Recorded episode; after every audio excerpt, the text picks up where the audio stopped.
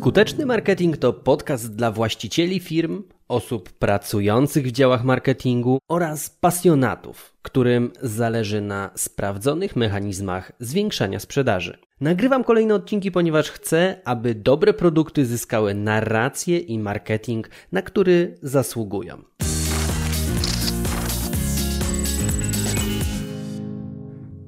Account-based marketing czym jest i kto powinien się nim zainteresować. Dużo się mówi o social media marketingu, o marketingu przez e-maile, a także o reklamach w wyszukiwarkach. Natomiast bardzo rzadko pojawiają się wzmianki o account-based marketingu. A szkoda. Czym jest AMB? Bo tak w skrócie będę o nim mówił. To aktywność skoncentrowana na wybranych, ściśle określonych klientach. W praktyce zaczyna się od utworzenia listy klientów pomiędzy 50 a 1000 takich rekordów, czyli 1000 poszczególnych osób. Z założenia mogą to być właśnie wskazane z imienia i nazwiska osoby, ale też e, firmy, o których względy i uwagę planujemy zabiegać. To oznacza, że AMB jest podejściem dedykowanym dla firm, których klientów jest niewielu i dzięki temu da się te firmy, te jednostki wskazać właśnie bardzo precyzyjnie i konkretnie. Zazwyczaj jest tak, że trudno takie współpracę zacząć, czy też e, sfinalizować jakąś dostawę, jednak wysokie zarobki z poszczególnych pojedynczych kontraktów, one rekompensują włożony wysiłek. I dla przykładu, sprzedają Mając igły do wtryskarek, raczej nie ma sensu sponsorować postów na Facebooku. Może i decydenci mają takie konta, ale po zbadaniu rynku może się okazać, że w Polsce masz 174 potencjalnych klientów, podczas gdy reklama na Facebooku każdego dnia będzie docierała do tysięcy osób. To oznacza, że nie ma sensu strzelać z karabinu maszynowego, podczas gdy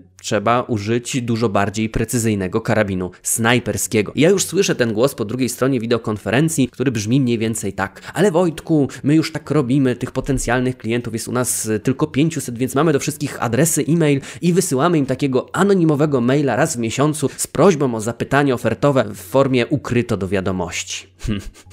Jedno zdanie, a tyle problemów. Ojojoj, no niedobrze, bo to jest taka kalka działań z masowych rynków, gdzie klientów jest e, wielu, a decyzje są raczej emocjonalne i takie impulsywne. W przypadku AMB trzeba poświęcić dużo więcej czasu każdej osobie, aby zmaksymalizować szanse na pozytywne zamknięcie tematu. Wyobraź sobie dla kontrastu, dla przykładu, że piszesz artykuł blogowy i zamiast zadowolić każdego, piszesz go tak, aby był adekwatny i najlepszy dla tylko jednej firmy. No właśnie, zupełnie odmienne podejście od masowego wysyłania maili, od masowego wysyłania reklam, tak żeby wszystkim się spodobały. Tutaj walczymy o uwagę jednej, bardzo konkretnej osoby. Ale dla lepszego zobrazowania tematu przygotowałem sobie kilka statystyk, które mogą Ci pokazać, no właśnie, temat AMB trochę z innej perspektywy, być może perspektywy efektów. 97% marketerów B2B uzyskało wyższy zwrot z inwestycji dzięki AMB niż w przypadku jakichkolwiek innych inicjatyw marketingowych. Tak wynika z badań Alterra Group. 208% wzrostu przychodów odnotowano przez firmy, które korzystają z AMB.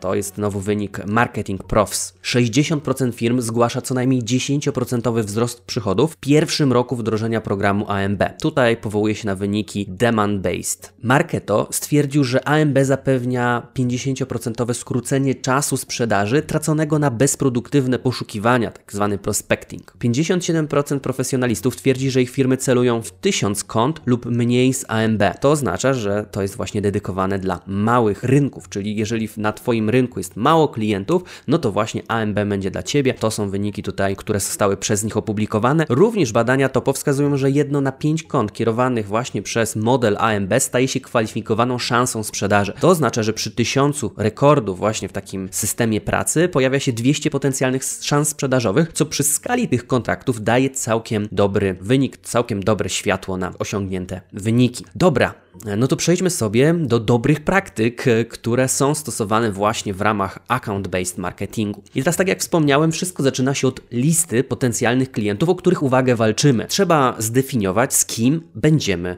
rozmawiać. Następnie wprowadzić te firmy do CRM-u, monitorując aktywności względem każdego z klientów. Uwaga, bardzo ważny punkt. Komunikacja, informacje o produkcie, usługach i treści powinny być spersonalizowane pod każdego klienta osobno. To oznacza, że nie ma miejsca na żadne masowe wysyłki, a z drugiej strony oznacza, że tworzymy dedykowane artykuły blogowe, case study, no nie mówiąc już o treściach komunikatów, które powinny być stricte dopasowane do danego Marka, Juska, Kasi czy Małgosi. W następnym kroku warto byłoby zaobserwować te wybrane osoby w różnych miejscach internetu i jeżeli da się, to jest dobra praktyka, to warto stać się ich klientami, kupując od nich produkty, żeby się do nich zbliżyć zupełnie inaczej, będą patrzyli na osoby, mówię to z autopsji na mm, ludzi, którzy są ich klientami, versus y, ludzi, którzy zupełnie obcy przychodzą i coś od nich chcą. Dalej, jak już mamy ich zaobserwowanych, to warto sobie ustawić zadanie, aby regularnie aktywizować się w ich komentarzach, odpowiadać na ich ankiety, na pytania w social mediach. To jest scenariusz dla osób, które są e, klientami, influencerami, potencjalnymi klientami, którzy są aktywni w internetach i można sobie ich gdzieś tam po prostu ustawić e, jako takie osoby, które obserwujemy, takie osoby, które komentujemy lajkujemy, no i po prostu wchodzimy w różne interakcje. Ale gdy zwykłe maile,